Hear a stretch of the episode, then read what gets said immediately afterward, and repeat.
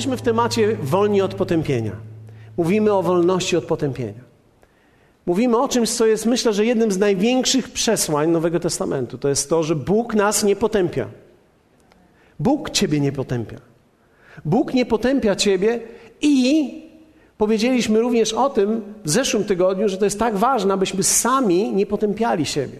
Abyśmy przez lata nie chodzili w nieprzebaczeniu do rzeczy, które sami zrobiliśmy. Wiecie, są ludzie, którzy nawet czasami przyjmują to, że Bóg im wybacza, ale nie mogą sami sobie wybaczyć. Nie mogą sami sobie wybaczyć tego, co zrobili, dlatego że często jest tak, że musimy żyć z konsekwencjami tego, co zrobiliśmy. O wiele łatwiej wybacza się sobie, gdy nie ma konsekwencji tego, co zrobiliśmy. Ale kiedy już są konsekwencje tego, co zrobiliśmy, o wiele trudniej jest sobie wybaczyć. Między innymi dlatego, że te konsekwencje ciągle stają przed naszymi oczami.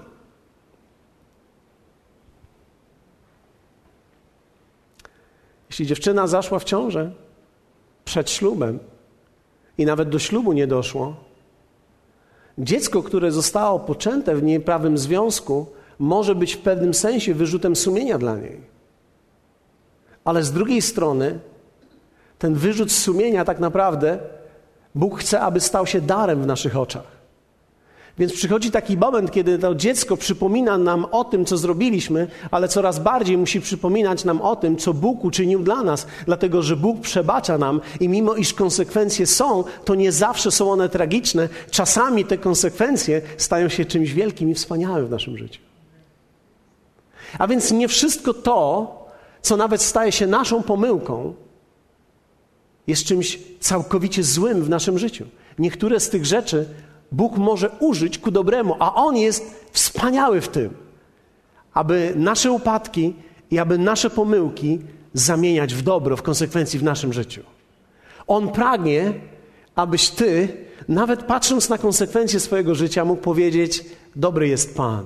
Dziękuję Mu za Jego przebaczenie. Ja sobie również przebaczam. Dziękuję Mu za to, że On dał mi swoje życie. Dzisiaj będziemy mówili o jednej chyba z najbardziej trudnych ja myślę, że jak każdy temat tego typu jest, jeden z trudniejszych aspektów wolności od potępienia to jest potępienie od, ze strony innych ludzi. Potępienie ze strony innych ludzi, ocena innych ludzi. Wiecie, jak wielu z Was może powiedzieć, że to, co ludzie myślą o Tobie, ma wpływ na Ciebie? Czasami nie chcemy się przyznać do tego, ale wszyscy podlegamy ocenie ludzkiej. I wszyscy podlegamy wpływowi tego, co ludzie myślą o nas. Czasami nawet jesteśmy wychowywani w domach tak, aby wszystko przed ludźmi było dobrze. Ponieważ nie chodzi o to, żeby ludzie widzieli, jak jest naprawdę. Chodzi o to, żeby dla ludzi było dobrze. Więc nawet kiedy cierpisz, musisz się uśmiechać. Bo chodzi o to, żeby ludzie nie widzieli, że ty cierpisz. Żebyś przez przypadek swoim złym humorem czy swoim cierpieniem nie wpłynął na ich dzień i nie popsuł ich życia w danym momencie. A więc czasami jesteśmy nawet zmuszani do tego, aby swoje emocje tłumić i aby pewien sposób kamuflować to, co naprawdę przeżywamy. Tylko dlatego, żeby nie być źle ocenionym albo źle osądzonym. Czasami uczymy się tego tak bardzo dobrze, że tak naprawdę wielu ludzi w ogóle nie wie, co przeżywamy. Może nawet się zdarzyć, że wchodzimy w związek małżeński i żyjemy tak w małżeństwie, że chodzi tak długo, musimy to ukrywać, jak tylko się da, żeby nikt nie rozpoznał, co tak naprawdę gdzieś przeżywam. Kiedy my w tym roku, a w zasadzie chyba w tym miesiącu, wchodzimy 26 lat e, z moją żoną, muszę powiedzieć, że chyba oboje byliśmy w tym dobrzy tak długo, jak to jest możliwe, zachowujemy nasze emocje dla nas, kiedy przeżywamy.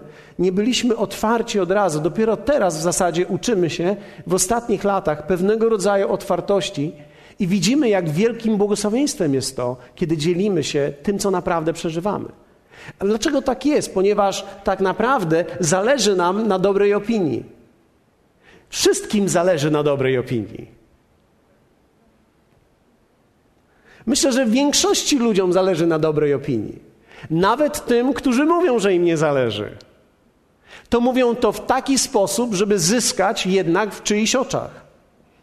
Miałem okazję ostatnio oglądać jeden z programów, który e, kiedyś zobaczyłem, jak moja córka młodsza ogląda. To jest program na MTV.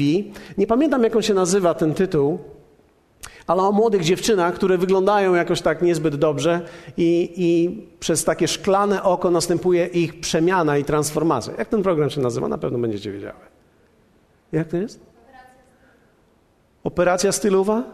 Okej, okay, operacja stylowa. I teraz przychodzi dziewczyna, która jest jakoś źle ubrana, wygląda bardzo niedobrze i jest, podlega ona ocenie innych na ulicy, oceniają ją chłopcy, szczególnie chłopcy, przeważnie chłopcy i mówią o tym, jak według nich ona wygląda. Ona natomiast komentuje prawie każdy ich komentarz. Więc oni patrzą na nią i mówią: Wygląda źle, wygląda bardzo źle, jest straszna, nie umówiłbym się z nią. Natomiast ta dziewczyna akurat, która przykuła moją uwagę, ona była bardzo opryskliwa i ona wręcz nawet agresywnie atakowała tych wszystkich, którzy rzucali w nią te niewłaściwe komentarze. Lepiej spójrz na siebie i ten młodzieżowy język, którego nie będę tutaj cytował, ale naprawdę bardzo luźny. I ona rzucała w nich, tym samym pokazując tak, jakby jej naprawdę w ogóle nie zależało na tym, jak wygląda. I później ku mojemu zdumieniu ona wzięła taką ściereczkę czy chusteczkę, przepraszam, chusteczkę do demakijażu i zaczęła się zmazywać. I nagle spoza tego makijażu można było dostrzec piękną, młodą dziewczynę, która była zakamuflowana w tym wielkim makijażu. Rzęsy były takie gdzieś. I ona odkryła przed całym światem swoją prawdziwą twarz. I nagle, kiedy ją przebrali, jej się to spodobało. Ona powiedziała, to, jest, to fajnie wygląda, to dobrze wygląda. I nagle można było zobaczyć nawet zmianę osobowości. Okazuje się, że to, jak ona siebie samą postrzegała, zmieniło również to, jak odpowiadała. I ponieważ wyglądała nieco bardziej elegancko, zaczęła nawet podnosić nieco poziom swojego języka. To jest niesamowite. Ale wiecie, niektórzy ludzie reagują dokładnie w taki sposób jak ta dziewczyna, czyli wmawiają sobie i innym, że im nie zależy na opinii innych ludzi. I to prowadzi czasami, bardzo często, takich ludzi do izolacji. Do izolacji i pogardy wszystkich opinii. Spotkaliście takich ludzi, którzy mówią: Mnie nie obchodzi, co inni myślą ale mówią to w taki sposób, że nie chcą z nikim mieć nic wspólnego. Tymczasem w pewnym sensie to jest ważne, co ludzie o nas myślą, i jeśli jesteśmy szczerzy, zależy nam, aby ludzie mieli o nas dobrą opinię. Ale jednak w tej zależności można pójść w zupełnie drugi kanał, więc z jednej strony mamy kanał izolacji i pogardy, a z drugiej strony możemy pójść w zupełnie inny kanał, kanał całkowitego zaprzeczenia swojej osobowości, po to tylko, aby przypodobać się komuś. Po to tylko, żeby być uległym niewłaściwie pod wpływem pewnej siły i strachu, tak naprawdę w swoim życiu. Spotkaliście być może niektórzy takie kobiety, które są przysłowiowymi dobrymi żonami. Uległe, nie mają swojego zdania i zawsze mówią tak. Czasami się tworzy taki model kobiety, że ta dobra żona, posłuszna żona, szczególnie w tym takim modelu ekstremalnych chrześcijan. Może nie wiem, czy to jest dobre słowo ekstremalnych chrześcijan, ale ekstremalnie wierzących w niektóre teksty chrześcijan. Że tak naprawdę prawdziwa kobieta, zdrowa kobieta to jest ta, która nie ma zdania i zawsze na każde zdanie mówi Amen. Wszechmogący mężu. Wiemy o tym, że czasami byłoby łatwiej żyć z taką osobą, ponieważ można byłoby wiele rzeczy załatwić pstrykaniem. Kawa, herbata, podwójna kawa, podwójne mleczko, Dwa razy cukier. Szybciej. Łóżko pościelone, kąpiel przygotowana. Ach. Poskładane ubrania, jutro mam spotkanie. Wyprasowane wszystko? Mężu, wejdź i zobacz. Wszystko jest gotowe tak, jak lubisz. Wow. Kto z Was chciałby zapisać się? Zapisy są w recepcji na taką żonę. Wiem, że Łukasz takiej potrzebuje. Ale większość z nas otrzymała w darze zupełnie inną osobę. Mniej lub bardziej na nie. Dlatego, że Bóg pragnął, abyśmy czynili rzeczy nie z uległości pod wpływem lęku, ale abyśmy czynili sobie nawzajem dobro pod wpływem miłości. Z powodu miłości i z powodu partnerstwa. A więc z jednej strony można popaść w izolację i w pogardę, a z drugiej strony w służalczość i uległość pod wpływem strachu. Okazuje się, że najczęstszą reakcją jest lęk przed ludźmi, wyrażony w różnych formach. I wierzę w to, że lęk przed ludźmi powoduje, że ta opinia innych ludzi ma tak ogromne znaczenie dla nas. Opinia nie tylko ludzi, którzy są nad nami, ale w ogóle opinia w rodzinie, którą mamy. Jesteśmy poirytowani, gdy ktoś o nas źle mówi. Jesteśmy poirytowani, gdy ktoś o nas mówi, a ja myślałem, że jesteś taki. I my robimy takie wielkie oczy. Jak mogłeś tak myśleć? Jesteśmy zranieni samym faktem, że ktoś mógł źle o nas pomyśleć. Jesteśmy dotknięci, że ktoś mógł źle zinterpretować nasze motywy, nasze intencje. Bo wiecie, dla nas, dla większości z nas, intencje, które mamy, to są te dobre intencje. Większość z nas może powiedzieć: Chciałem dobrze. Chciałem dobrze. Więc ugotowałem ten makaron dłużej, bo chciałem dobrze. Nie chciałem, żeby był twardy, chciałem, żeby był naprawdę mięciutki, żebyś mogła dziąsłami go gryźć, a nie koniecznie zębami. No ale wtedy zrobiłeś jeden wielki makaron, jedną wielką kluskę, no ale chciałem dobrze. Chciałem posprzątać i żeby się świeciło, posmarowałem oliwką całą moją podłogę. I ona się naprawdę świeci, tylko nie można chodzić po niej. Chciałem dobrze. Wielu z nas, może nikt nie próbuje tego makaronu w taki sposób, ani oliwki w taki sposób, ale wielu z nas, my chcemy dobrze i popełniamy błędy z tego powodu. Wierzę, że Bóg pragnie, abyśmy żyli w wolności od potępienia i w wolności od złej opinii innych ludzi. Dlatego, że jeśli będziesz żył dla opinii innych ludzi, będziesz pod kontrolą tych ludzi.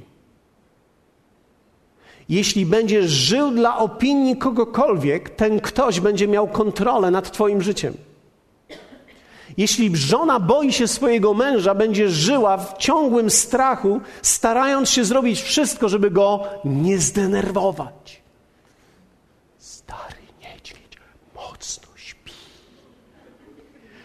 My się go boimy, na palcach chodzimy. Niektórzy tak żyją w domach.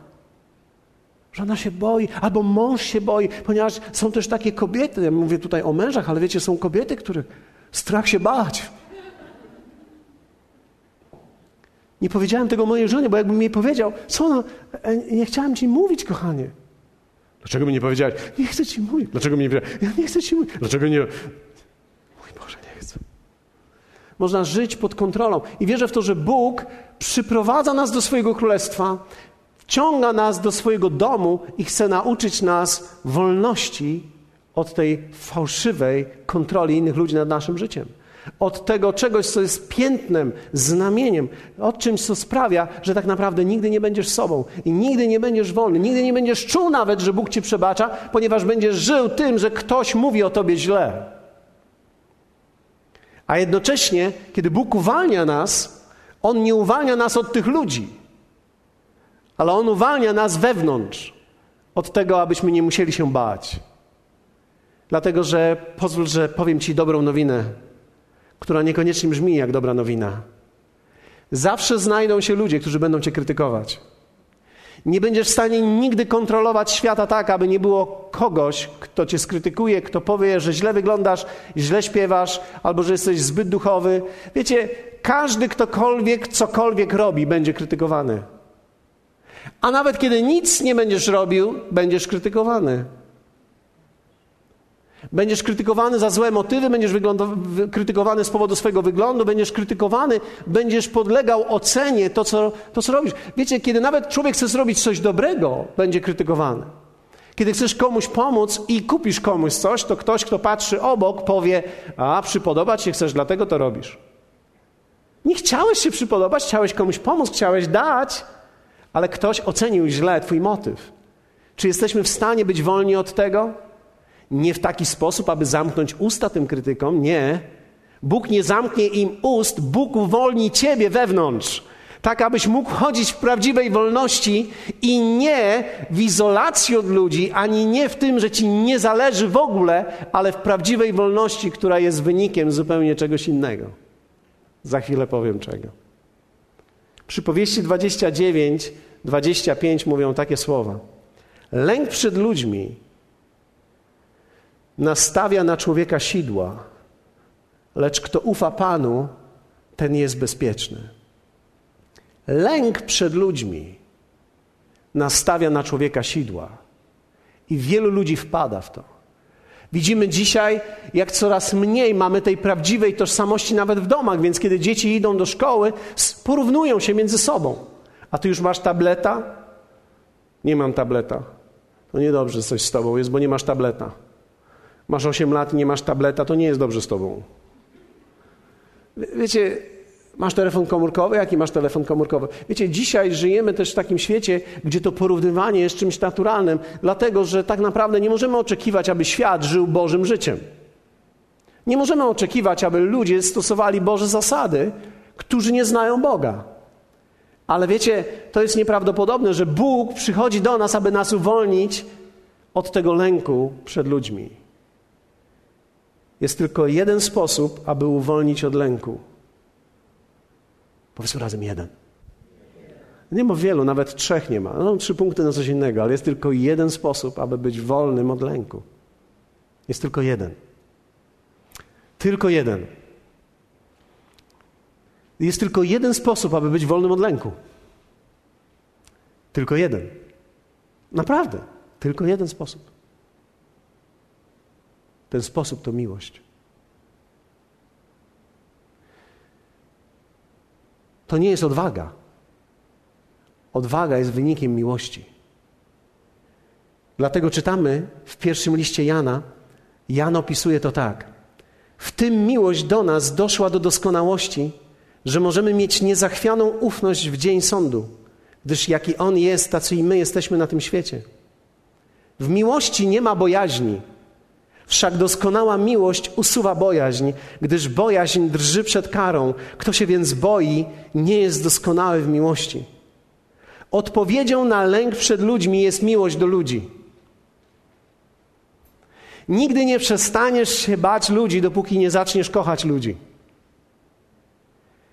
Wierzę w to, że każdy człowiek, każdy, każdy z Was, kto jest tutaj obecny i każdy, kto nas ogląda, każdy człowiek ma powołanie od Boga.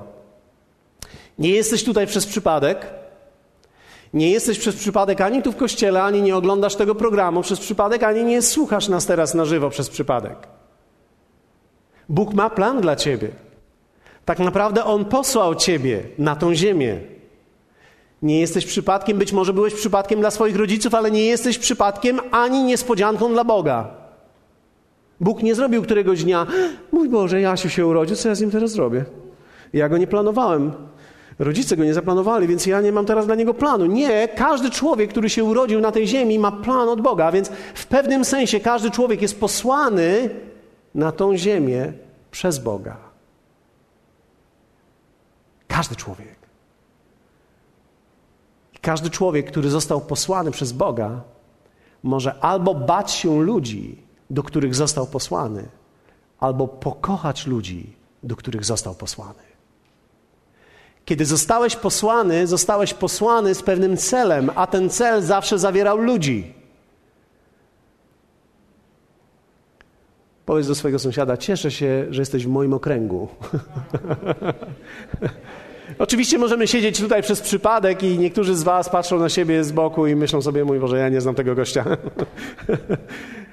Ale rzeczywiście tak jest, że każdy z nas ma pewien zakres ludzi, z którymi się kontaktujemy, zakres ludzi, z którymi żyjemy. To jest to, o czym mówił również Artur.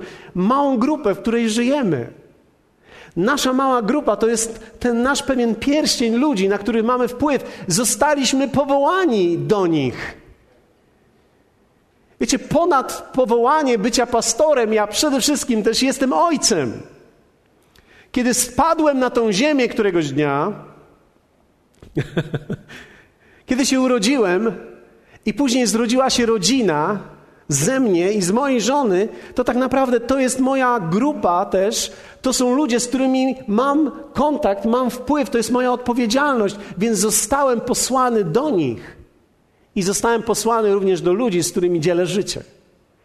A więc ty zostałeś posłany do kogoś i teraz albo będziesz się bał tych ludzi, do których zostałeś posłany, albo pokochasz tych ludzi, do których zostałeś posłany. Mogą być tylko dwie rzeczy w życiu, które będą sterować tobą: albo lęk przed ludźmi, albo miłość do ludzi. Miłość to wolność, lęk to niewola. Ja nie stoję tutaj przed Wami, ponieważ mam talent, umiem przemawiać. Niektórzy powiedzieli do mnie, nawet ludzie z zewnątrz, którzy przyszli, mówili: Pastorze, ty dobrze przemawiasz, ale tak naprawdę to nie jest nic innego, jak tylko dar, który jest dla danych ludzi dany. Ja z siebie samego wolałbym być teraz gdzieś z tyłu, być na końcu i przysłuchiwać się temu, co jest mówione. Nie wiem, dlaczego jestem tu, gdzie jestem, ale to, gdzie jestem, nie wynika z tego, że jestem odważny i utalentowany, ale dlatego, że pewnego dnia postanowiłem zamienić lęk na miłość. Pokochałem ludzi. I pomyślałem sobie, że lęk nie będzie mnie kontrolował, więc miłość będzie wychodzić w tym miejscu. ja nie wyszedłem tutaj z odwagą, ale z drżeniem. Ale mimo, że drżą mi spodnie, a teraz mam obcisłe, więc nie widać, to jednak stoję przed wami z drżeniem, bo was kocham.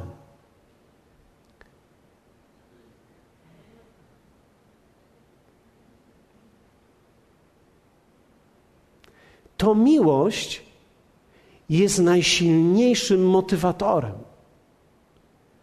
I czy ktoś z Was, czy zdarzą się ludzie, którzy powiedzą: My wiemy, po co Ty przemawiasz, podważą moje motywy?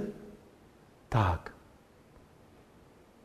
Czy znajdą się ludzie, którzy powiedzą: No, aż tak dobrze nie głosisz, bo co drugie zdanie nie mówisz jakiegoś słowa? Albo niewłaściwie intonujesz, albo zbyt wiele masz żartów, albo dzisiaj w ogóle nie było żartów. Są ludzie, którzy cię rozbiorą na kawałki i przetestują to jest w porządku. Natomiast miłość, która jest we mnie, sprawia, że ja nie muszę być kontrolowany przez tych, którzy mogą to krytykować. Ale kochając, mogę pomóc komuś, kto tego potrzebuje. Miłość jest większa niż lęk. Miłość uwalnia od lęku zawsze będziesz się albo bał ludzi, albo pokochasz ludzi. Człowiek, który kogoś pokocha, przestaje się bać.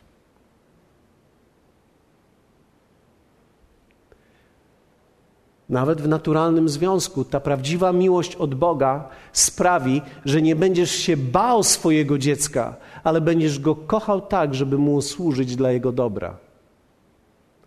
Dlatego, że prawdziwa miłość jest wolna od lęku przed nawet dzieckiem własnym. Czy wiecie, że są ludzie, którzy się boją swoich własnych dzieci? Nie mogę go denerwować, bo on jest nie wiadomo, co zrobi. Jak się rozszaleje. Jaka jest odpowiedź dla tego rodzica? Pokochaj swoje dziecko bardziej. Pokochaj je tak mocno, że przestaniesz się je bać i zaczniesz mówić do niego to, co potrzebuje usłyszeć, nawet jeśli się zdenerwuje. Bo jeśli tego nie zrobisz, z powodu lęku będziesz żyć przez wiele lat pod kontrolą tego dziecka, które i tak potrzebuje pomocy. To jest cudowne, kiedy ktoś kocha cię tak bardzo, że powie ci prawdę. Lepszy jest ten, który mówi prawdę, która nam się nie podoba, niż ten, który nam słodzi non-stop. A jednak nas pogrąża w tym. Halleluja. Powiedzmy razem miłość. Bo miłość ma taką szczególną zaletę. Jak czytacie Koryntian, pierwszy Koryntian, ten cały list o miłości, który jest najczęściej na ślubach cytowany, nie wiem czemu. To są życzenia dla tych małżonków często. To miłość ma w sobie tą wielką cechę, że ona wszystkiemu wierzy, ale ona stawia czoła wszystkiemu. Miłość jest największą siłą świata. Nie ma większej siły niż miłość. Apostoł Paweł jest takim przykładem. Mam pięć minut i będziemy się modlili, ale posłuchajcie mnie. Apostoł Paweł jest takim przykładem wielkiej przemiany. Jak wielu z Was wie, że on był faryzeuszem z faryzeuszy. Skończył najlepsze szkoły. Był w naj, najwyższej radzie, był człowiekiem prestiżowym na tamten czas. Skończył na. Wie, wiecie, on był tym kimś. I ze strachu tak naprawdę przed Bogiem z wielką inicjatywą uderzył w pierwszych wierzących, ponieważ według niego oni stali przeciwko Słowu Bożemu, więc on miał współudział w mordowaniu tych pierwszych wierzących. Z powodu lęku przed Bogiem uderzał w ludzi.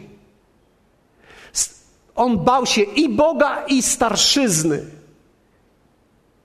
I nagle kiedy opowiada po latach przed królem Agryppą o swoim doświadczeniu, cofa się bardzo wcześnie i mówi tak, że w pewnym momencie, kiedy był na drodze do Damaszku, opisuje to, kiedy byłem na drodze do Damaszku, nagle usłyszałem głos. Ten głos przemówił do mnie i wszyscy upadliśmy pod mocą. A gdy wszyscy upadliśmy na ziemię, usłyszałem głos do mnie mówiący w języku hebrajskim: Saulu, Saulu, czemu mnie prześladujesz? Trudno ci przeciw ościeniowi wierzgać. A ja rzekłem: Kto jesteś, panie? A pan rzekł: Jam jest Jezus, którego ty prześladujesz.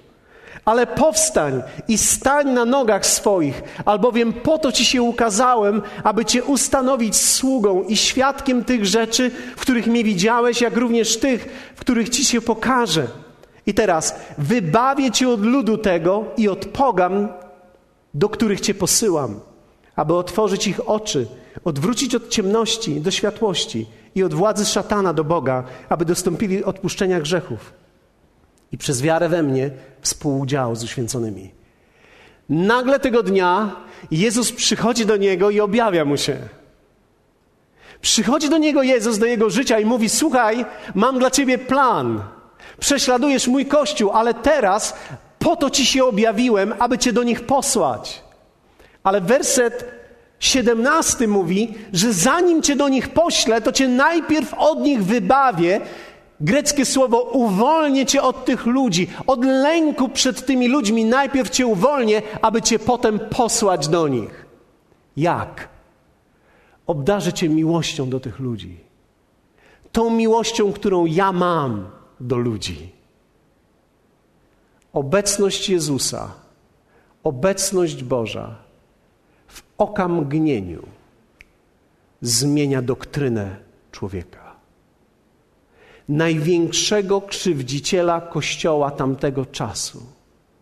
Z powodu miłości Jezusa objawionej Jemu, dotknięcia Jezusa, natychmiast zmienia się Jego cały świat.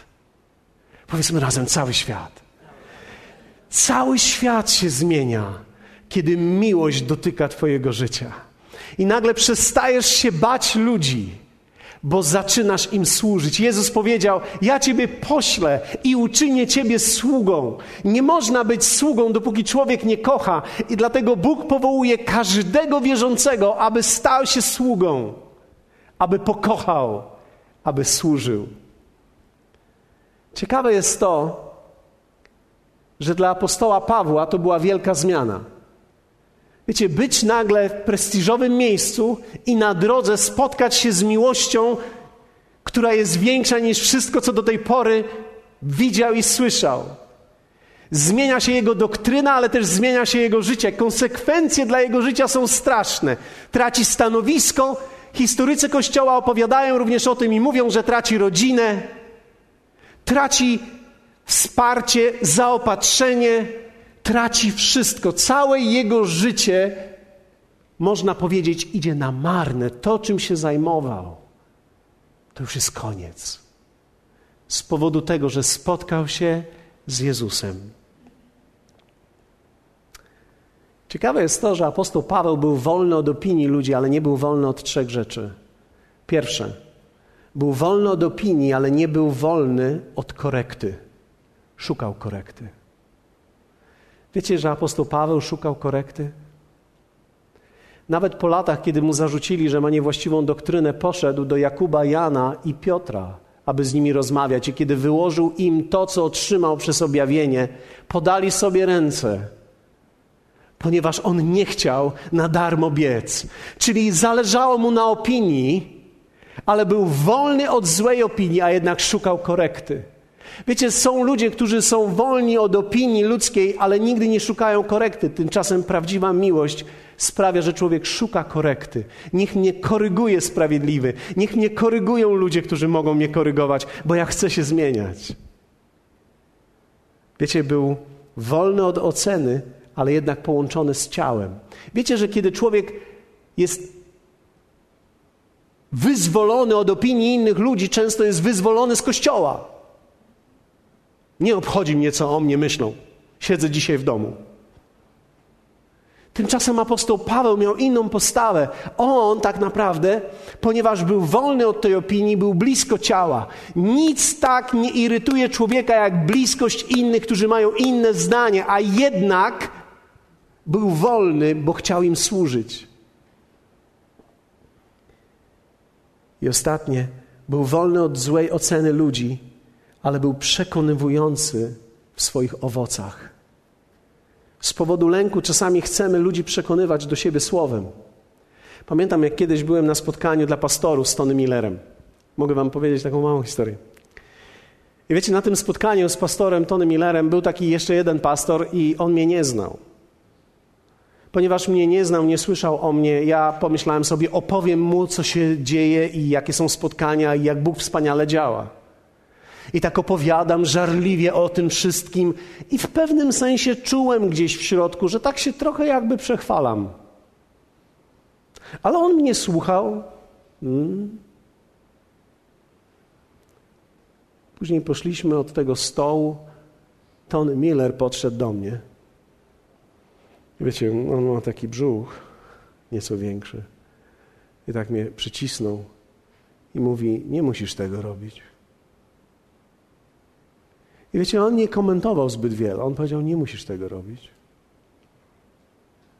To, co robisz, mówi głośniej od tego, co mówisz. I wtedy zrozumiałem, że prawdziwa wolność to jest wolność od samoreklamy. Jezus powiedział: Moje dzieła świadczą o mnie. To, co robię i jak żyję, niech mówi głośno. To, co robisz, jak żyjesz, niech mówi głośno. Bądź wolny od samoreklamy. Abyś nie musiał sprawiać, że inni patrzą na ciebie i mówią: mmm, No rzeczywiście, no naprawdę. Naprawdę. Świetna sentencja. Niech ludzie będą zachwyceni obrazem Jezusa, który jest w Tobie. Ale ta wolność przychodzi ze spotkania z Nim.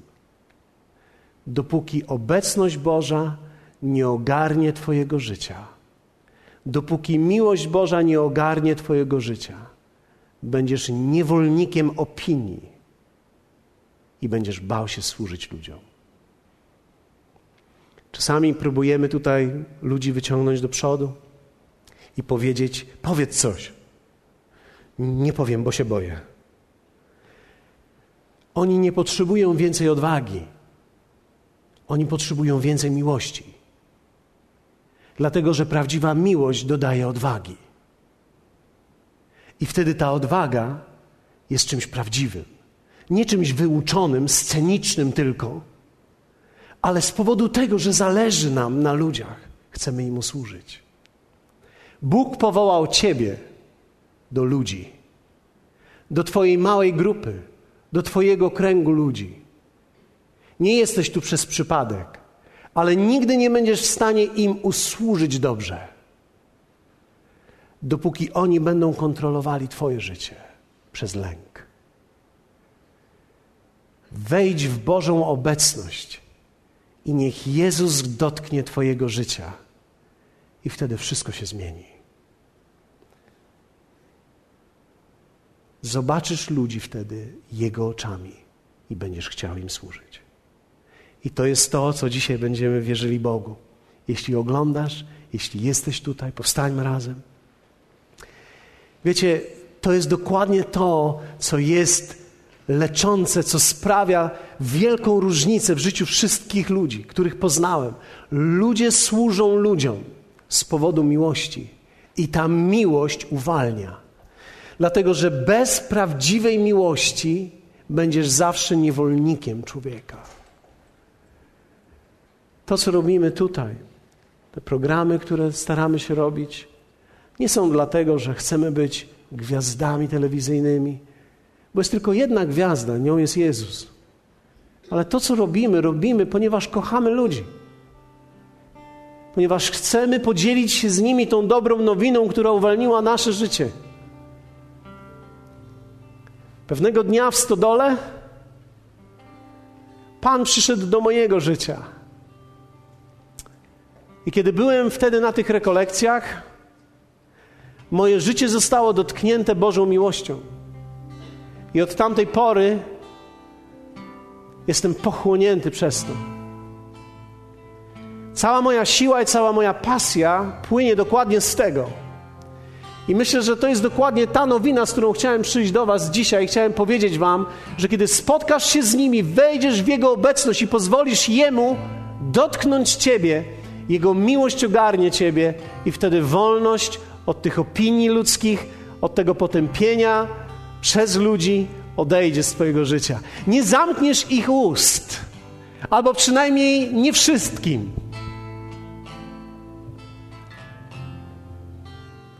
Ale zamkniesz swoje serce na niewłaściwe zranienia i będziesz wolny. Będziesz patrzył na nich z miłością.